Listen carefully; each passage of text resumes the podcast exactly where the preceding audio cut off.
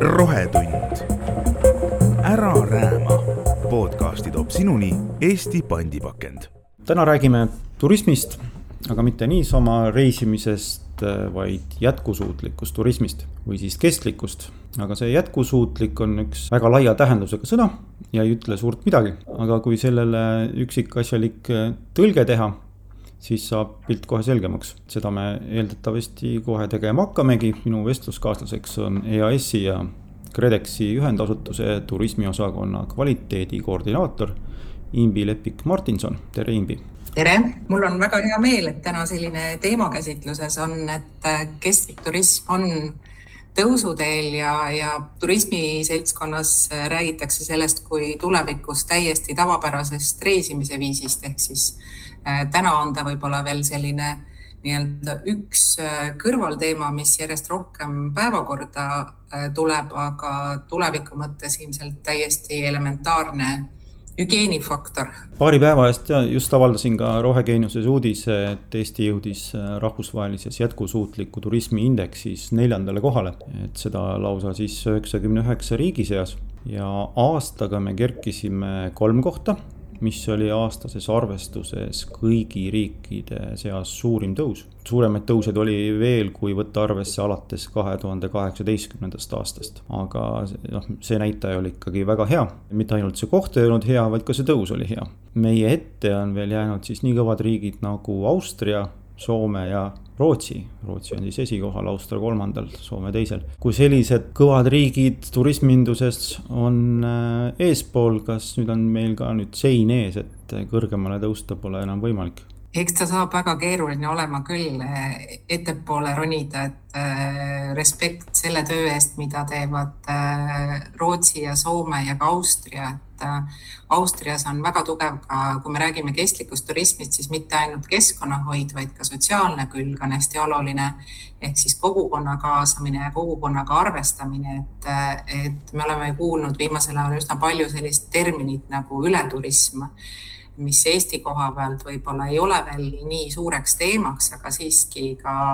Covidi ajal äh, rääkisime me sellest, et kas Viru rabasse mahub rohkem inimesi või mitte ja, ja Tallinna mm. vanalinn on ka selline koht, kus aeg-ajalt ikkagi kipuvad turistid kõik ühe korraga tulema ja siis kohalik elanik ei, ei mahu enam ära. kui nüüd tulla tagasi küsimuse juurde, et äh, kas meil on veel võimalik sinna kolmandale, teisele, esimesele kohale liikuda, siis äh, ma arvan, et eesmärk on võib-olla praegu see, et me püsiksime seal neljandal kohal, sest need konkurendid, kelle me seal nii-öelda selja taha jätsime, ei, ei jää ka magama, et äh, ja oluline on tegelikult ju see, et, et kõik riigid teeksid selles suunas tööd, et see on selline sõbralik konkurents, kus,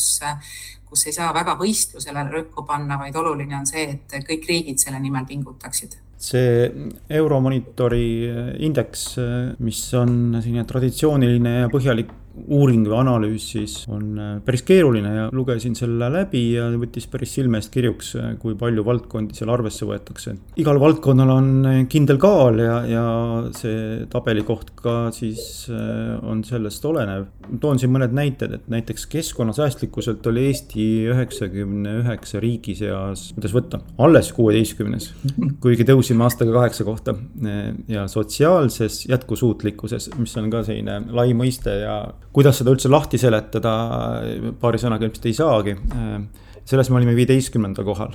et samas jätkusuutliku majanduse arvestuses olime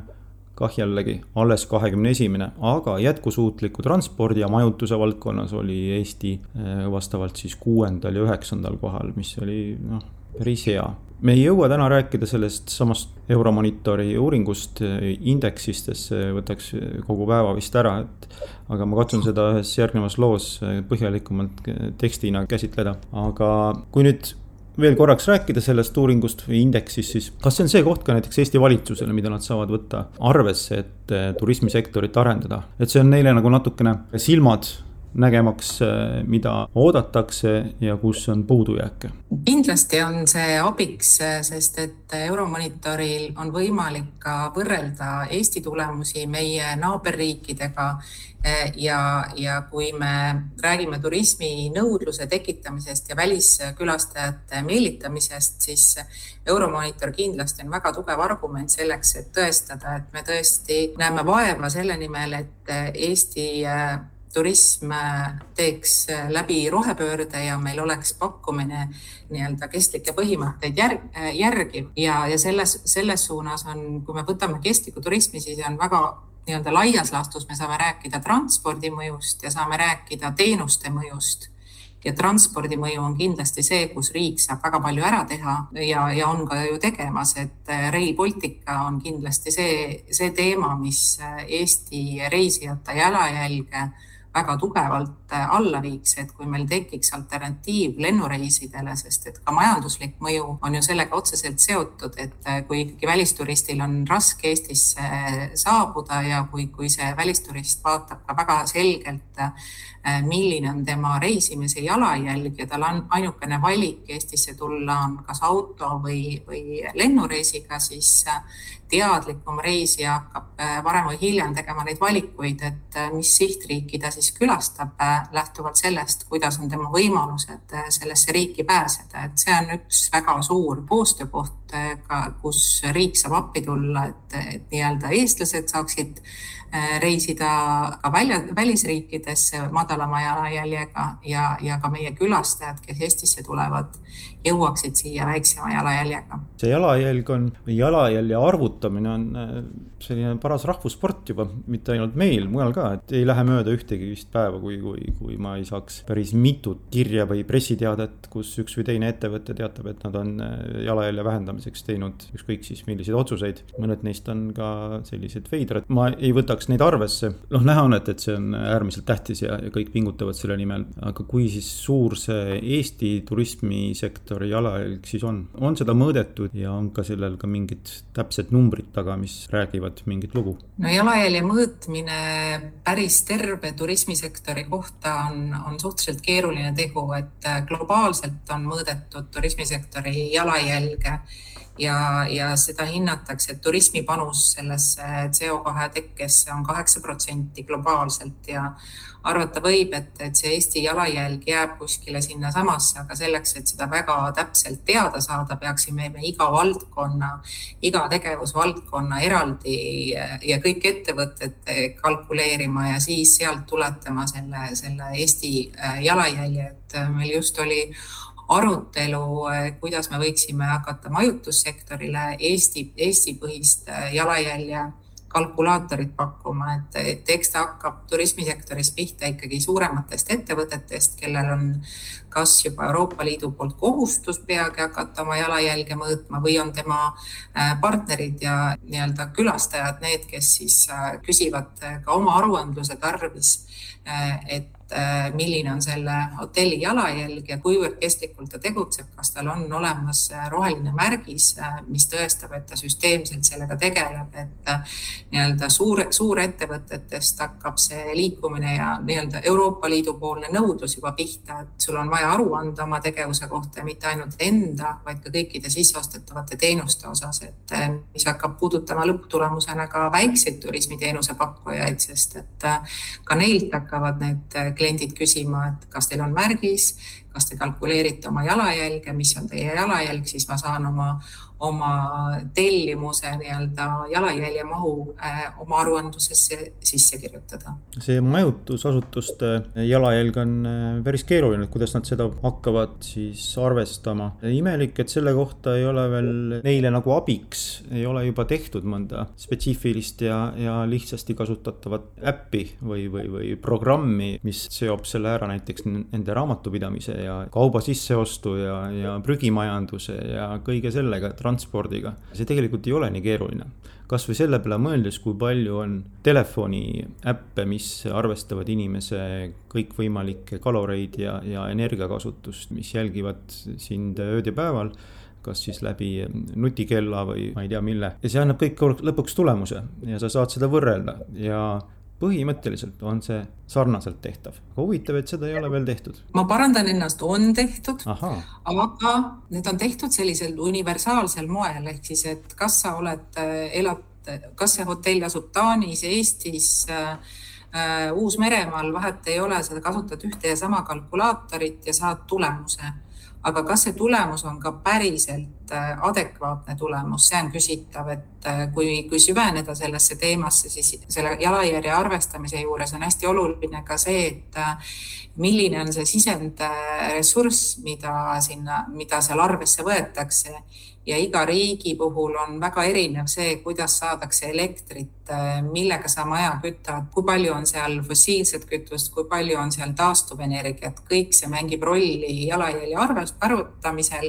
ja, ja sellest tulenebki see, et, et kui me võtame sellise globaalse kalkulaatori, siis me võime ju arvata umbkaudu, et jah, see jalajälg on selline,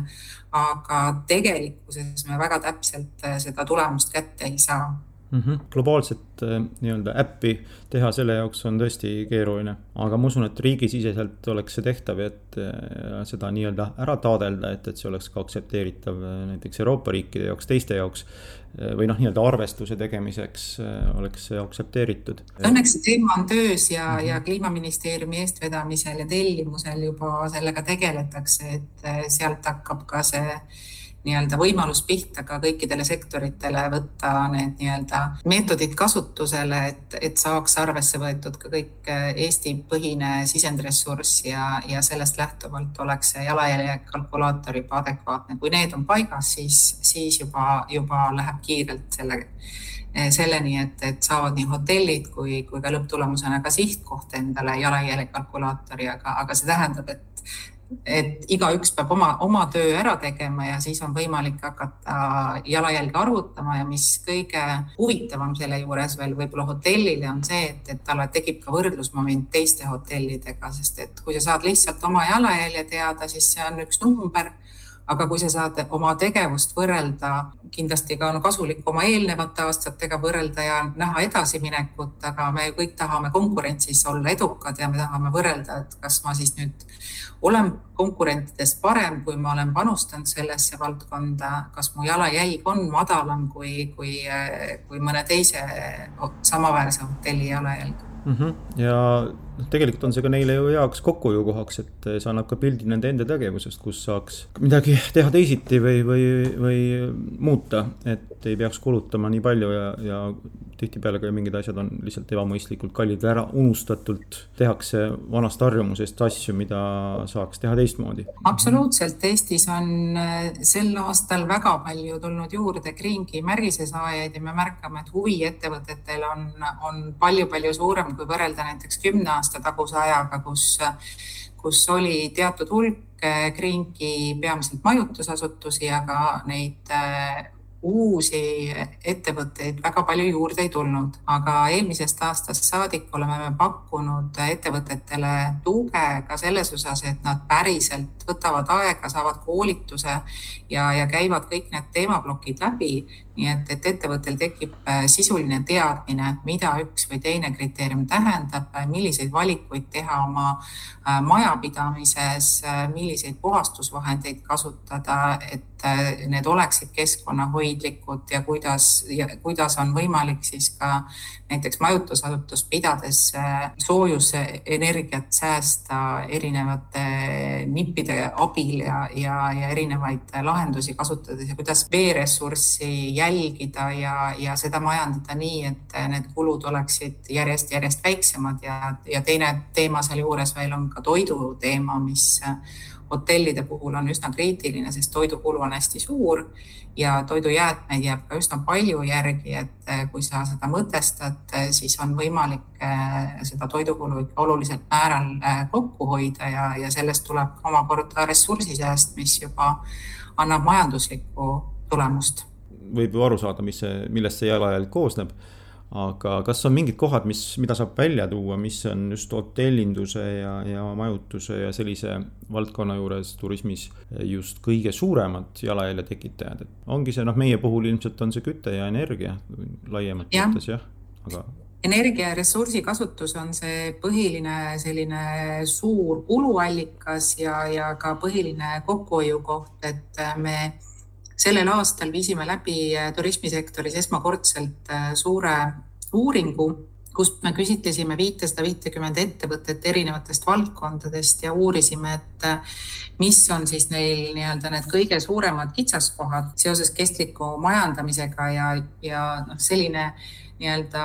a la LED-lampide väljavahetamine ja selline asi on kõik ära tehtud, et äh, pigem on, on see kitsaskoht seal, kui tuleb kogu ventilatsioonisüsteem või küttesüsteem välja vahetada, mis oleks kindlasti Eh, energiasäästlikum, aga arvestades seda, kust eh, turismisektor praegu tuleb, et on mitu mm. aastat olnud vägagi nii-öelda kehvas seisus, kus uksed on päris kinni olnud ja sissetulekut pole olnud ja siis on väga keeruline praegu ettevõtetel leida seda ressurssi, et hakata kogu Äh, hotelli ventilatsioonisüsteemi välja vahetama, et tuleb lihtsalt äh, leida nutikamaid lahendusi ja oodata, kui tekib äh, võimalus kuskilt mõnest toetusmeetmest abi saada. aga ikkagi, peale energia tuli sealt välja ka sellest uuringust,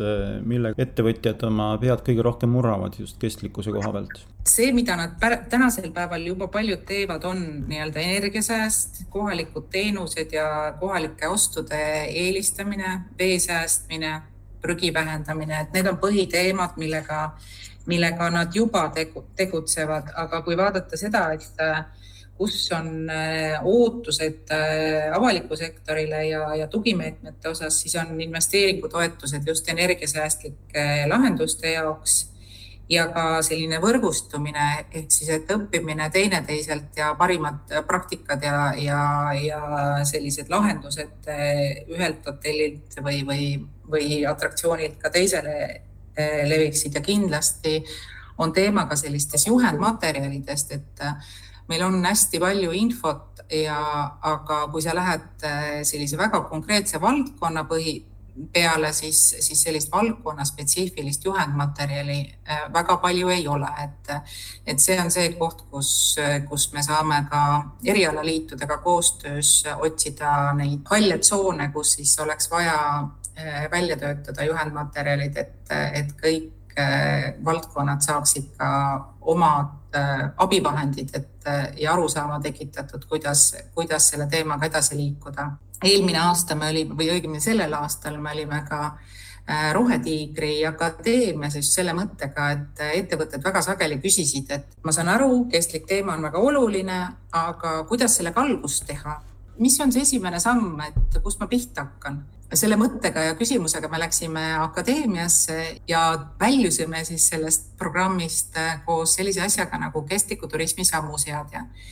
mis on selline hästi lihtne enesehinnangu küsimustik, kus ettevõte saab viieteist minuti jooksul ära täita ja saab omale teadmisi äh, juurde, et oo, ka see on kestlik tegevus, et ma juba selle või selle teemaga tegelen, aga ahaa, see mõte on võib-olla väga hea mõte, mida ma, ma saan edaspidi ellu viia. ehk siis ta on selline pagas, kus ettevõte saab kinnitust, et ta juba on õigel rajal nii palju, kui me testisime seda ettevõtete peal, me saime väga positiivse tagasiside, et tõesti väike maaettevõte sageli ei teadvusta endale, et, et need tegevused, millega ta igapäevaselt tegeleb, nii mõnigi neist läheb kestlike kriteeriumite alla ja on, on täiesti eh, selline tegevus, mis võib-olla mõnes suures hotellis on ära unustatud, aga väikses majapidamises on see selline talupojatarkus ja eh, sa, said nad kindlasti ka selliseid uusi ideid, millega edasi liikuda ja mis kasu meil sellest on, on see, et kui me oma välisturiste või, või ajakirjanikele tutvustame ja edasimüüjatele tutvustame Eestit ja Eesti turismiettevõtteid, siis meil on väga hea ka välja tuua, mida need ettevõtted juba teevad, ilma et neil veel märgist oleks, aga me saame välja tuua ka nende ettevõtete kestlikud tegevused, et äh, märgiseni jõuab ilmselt mingi osa ettevõtetest, aga, aga oluline on see, et, et me suudaksime ka välja tuua teiste ettevõtete kestlikud tegevused. väga lihtne lahendus ja ma loodan väga, et see saab äh, meie uues Visit Estonia veebis selline olema juba äh, väga naturaalne osa, et praegusel juhul on ta meil selline väga lihtne küsimustik et testida ära, kui hästi ta ettevõtetele sobib ja, ja kui ta äh, nii-öelda järgmise sammuna siis äh, saab olema meie Visit Estonia kodulehel, kus ettevõte käib äh, oma infot uuendamas, siis saab ta sama hästi ka testida oma, oma tegevusi ja, ja, ja läbi selle juba ise oma esimesed sammud ära teha. kas äh, sellest uuringust tuli välja ka seda või te lihtsalt teate seda muudest kokkusaamistest ja jutuajamistest, et kas jalajälje vähendamises nii-öelda on äh, edukamad suured hotelliketid, kellel on rohkem raha ja kellel on võib-olla rohkem võimalust äh, kõike seda olnud korraldada või on juba meie väiksed majutusettevõtted noh, juba, juba nagu ütlesite, et juba teevadki mingeid asju, mida nad võib-olla endale ei teadvusta. et äkki nemad on, ma ei tea, kas on, aga et äkki nemad on edukamad selles kestlikus turismi teenuse pakkumises. kui vaadata märgiseid ehk siis näiteks Greenki märgist, siis eh, majutusasutustest kindlasti on eh, suur osa märgise omanikke eh, Tallinna suured ketihotellid aga ma ei saa sealjuures väita seda, et äh, väiksed ettevõtted, kes on ka endale märgise muretsenud, oleksid äh, kuidagi kehvemad Greenki äh, omanikud, vastupidi, kuna selle standardi rakendamine tegelikult väga suures osas tähendab seda, et kogu töötajaskond tuleb kaasata sellesse ettevõtmisesse, iga inimene, kes hotellis töötab, teadma mida ettevõte teeb, sest et äh, kui ka külastaja temalt küsib, siis äh, on väga oluline, et kõik hotelli töötajad oskaksid äh, lahti rääkida, mida see tähendab, et selles majas on Green Key märgis, et mida siis tehakse ja, ja selles osas mina arvan küll, et, et väiksed ettevõtted, kus juhtimisstruktuur on väga nii-öelda lühike, ehk siis, et juht ja kõik töötajad kohtuvad omavahel äh, igapäevaselt, siis see info levik on palju parem kui võib-olla suures hotellis, kus on väga keeruline tagada seda, et kõik töötajad oleksid infoga hästi kursis. ma just äh, kohtusin äh, Pärnus Villa Vesseti hotelliga ja nähes seda, kuidas Äh, on hotellijuht ja peakokk kahekesi eest vedamas äh, Greenki märgist ja neil on omal juba selline õhin, et mida veel annab teha, mitte ainult see, mida Greenki standard neilt nõuab, vaid nad neil on juba olemas selline sisemine kompass, et äh, nad ise leiutavad ja mõtlevad kogu aeg lahendusi, kuidas selliseid ühekordselt kasutatavaid asju äh, vähendada, et ei tekiks nii palju prügi äh, ja, ja oleks võimalik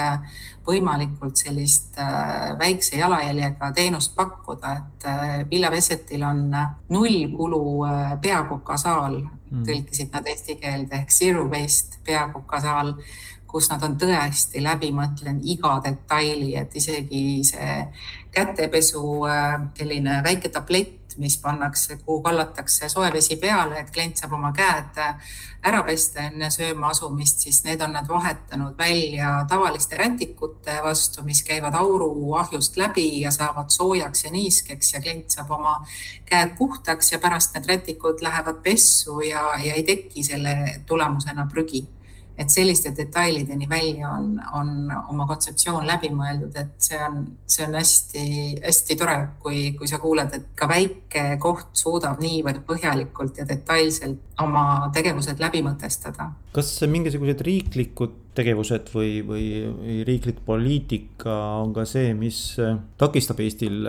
olemast rohkem kestlik, sellesama Euromonitori indeksi arvutamisel ma usun, et põlevkivist toodetud elekter läks kuskile sinna arvesse nii-öelda riikliku üldise eh, mastaabina, et, et see võtab kindlasti mingit hinnet alla, et kui meil järjest rohkem seda tuuleenergiat ja päikeseenergiat tuleb, siis võib ju eeldada, et, et ka järjest rohkem hotelle ja väiksemaid majutusasutusi, kes juba ka kasutavad väga paljud eh, päikeseenergiat, hakkavad üle minema taastuvenergiale ja see tõstab ka meie sellist üldist, nende enda isiklikku üldist kestlikku nii-öelda taset ja, ja ka siis riiklikku. olen täiesti nõus, et kindlasti on selliseid äh, suuremaid teemasid, mida turismisektor ise keskis ära lahendada ei saa, vaid äh, siin on vaja riigipoolset poliitikat ja plaani, kuidas, kuidas need küsimused lahendada, aga ma usun, et vaadates äh, seda, kui, kui hästi Eesti on ka selles üldises nii-öelda kestliku arengu indeksis oma kümnenda koha peale jõudnud, siis, siis ma usun küll, et, et ka, ka see suund, mis on praegu võetud, toob selle, et, et me õige pea ikkagi saame oma eesmärgid täidetud, et äh, värskelt toimunud Green Destinationsi äh, konverents Tallinnas äh, oli ka koht, kus Soome ja Eesti vahelist laevakoridori nii-öelda võeti eesmärk Soome-Eesti laevakoridor siis kestlikuks või nullkulu teekonnaks muuta aastaks kaks tuhat kolmkümmend, et ka see mõjutab väga tugevalt meie, meie turismisektorit, et Soome külaline, kes on meie peamine sihtgrupp, jõuab Eestisse palju väiksema jalajäljega tänu sellele, et nii Helsingi kui Tallinn linnadena koos vedajate ja sadamatega hakkavad tegema väga tõsist, juba teevad koostööd, aga järjest nagu kindlama eesmärgiga koostööd. et kogu see teekond muutuks, ma ei ütle kliimaneutraalseks, ei saa vist öelda ma ei oska jään vast praegu mhm. selle sõnastuse osas natukene hätta jah, laevanduses on see hästi keeruline, sest et äh, äh, olen Tallinkiga siin mõned kuud tagasi just sel teemal äh, vestelnud pikalt ja, ja käisin laeva peal vaatamas ka, et, et mida,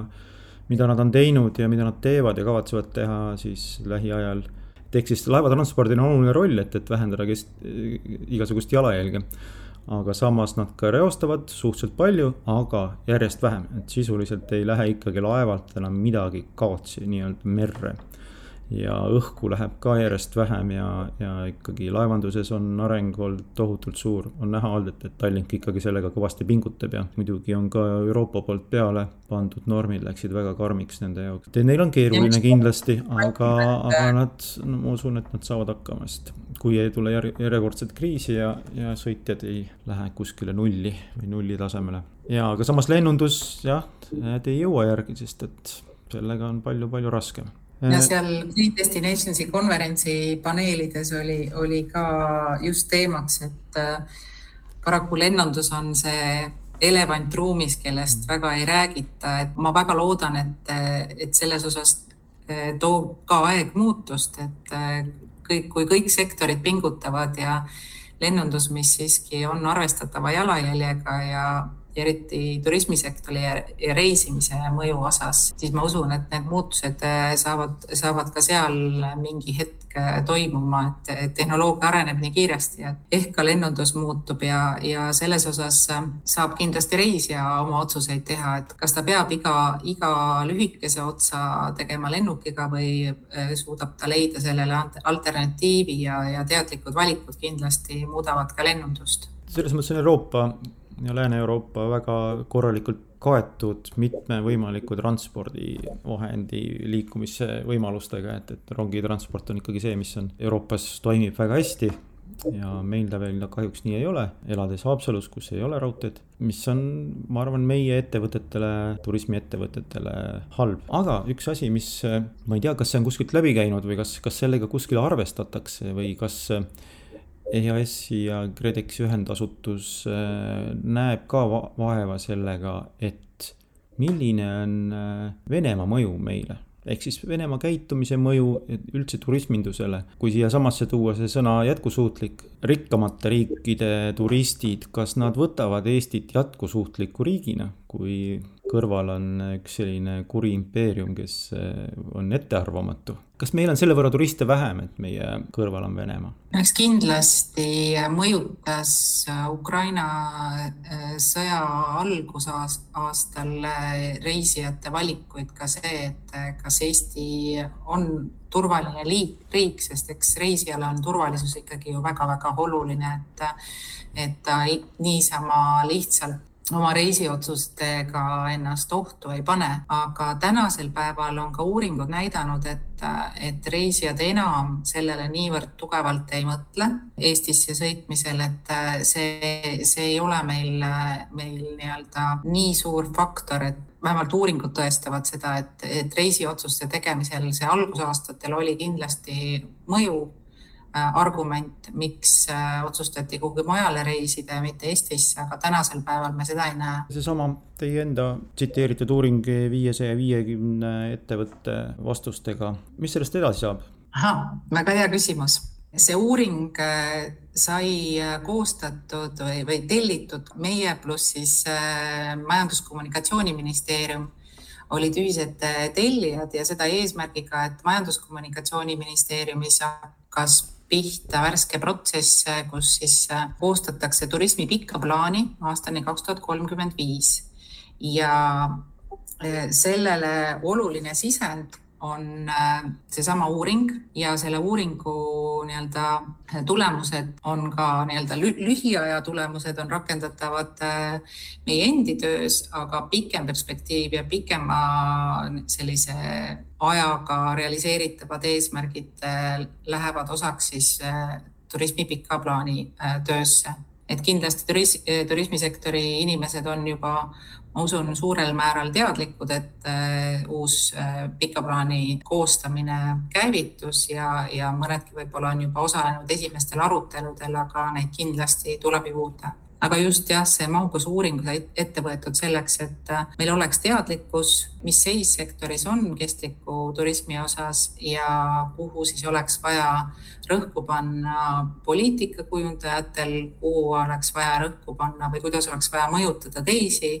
ministeeriumeid, äh, millist koostööd oleks vaja teha haridussektoriga, et meie turismisektor äh, saaks edukalt rohepööret teostada, et jälle üks näide võib-olla Villa Vessetist, kus oli teemaks prügiteema, et kuivõrd keeruline on töötajaid panna prügi sorteerima. Nad tõid väga hea näite sellest, et kui sul tulevad uued kokad Kutsehariduskeskusest ja Kutsehariduskeskuses ei ole samasugust prügi sorteerimist, siis peab selle töö ikkagi ära tegema ettevõte ise ja, ja õpetama kokad õigesti prügi sorteerima, aga palju-palju lihtsam oleks ju see, kui kui juba Kutsehariduskeskuses oleks täpselt sama süsteem, nii et kui nad köögis toitu valmistavad, siis nad teavad, kuhu miski prügi läheb. Ja, ja kui nad ettevõttesse jõuavad, siis nad juba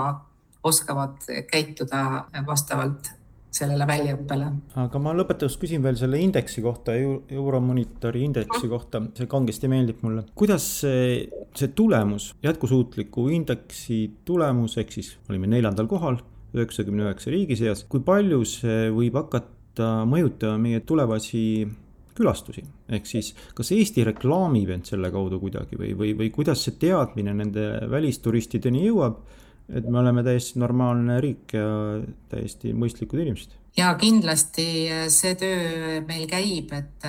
et see on väga võimas argument, mida me välisturunduses saame ära kasutada, et kui me tegeleme välisajakirjandusega, kui me kutsume edasimüüjaid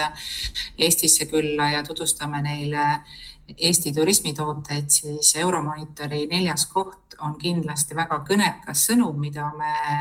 hakkame ära kasutama selleks, et äh, veenda eda-, nii edasimüüjaid kui äh, nii-öelda kõiki meie välisturul tegutsevaid partnereid, et Eesti on kestlik sihtkoht, kuhu tasuks reisida ja see on ka juba omakorda tähelepanu tekitanud ka välismeedias ja on, on ka neid, kes on, kes on ise meie poole pöördunud ja avastanud, et, et kuna Eesti on nii kõrgel kohal, siis tasub uurida, et mis siin Eestis pakkuda on, et, et ühtepidi ta tekitab huvi ja meie saame ära kasutada seda kui olulist argumenti. suur tänu, Imbi Lepik-Martinson, rääkisime täna jätkusuutlikust turismist ja sellest, mida see kõik endas, see jätkusuutlikkus sisaldab, et ma usun, et, et mõned asjad said selgemaks, mõned asjad jäid kindlasti veel äh, lahti rääkimata, aga eks neid saab tulevikus rääkida. aitäh, Imbi, et tulid rääkima ja edu sulle. aitäh kutsumast. rohetund, ära rääma. podcasti toob sinuni Eesti pandipakend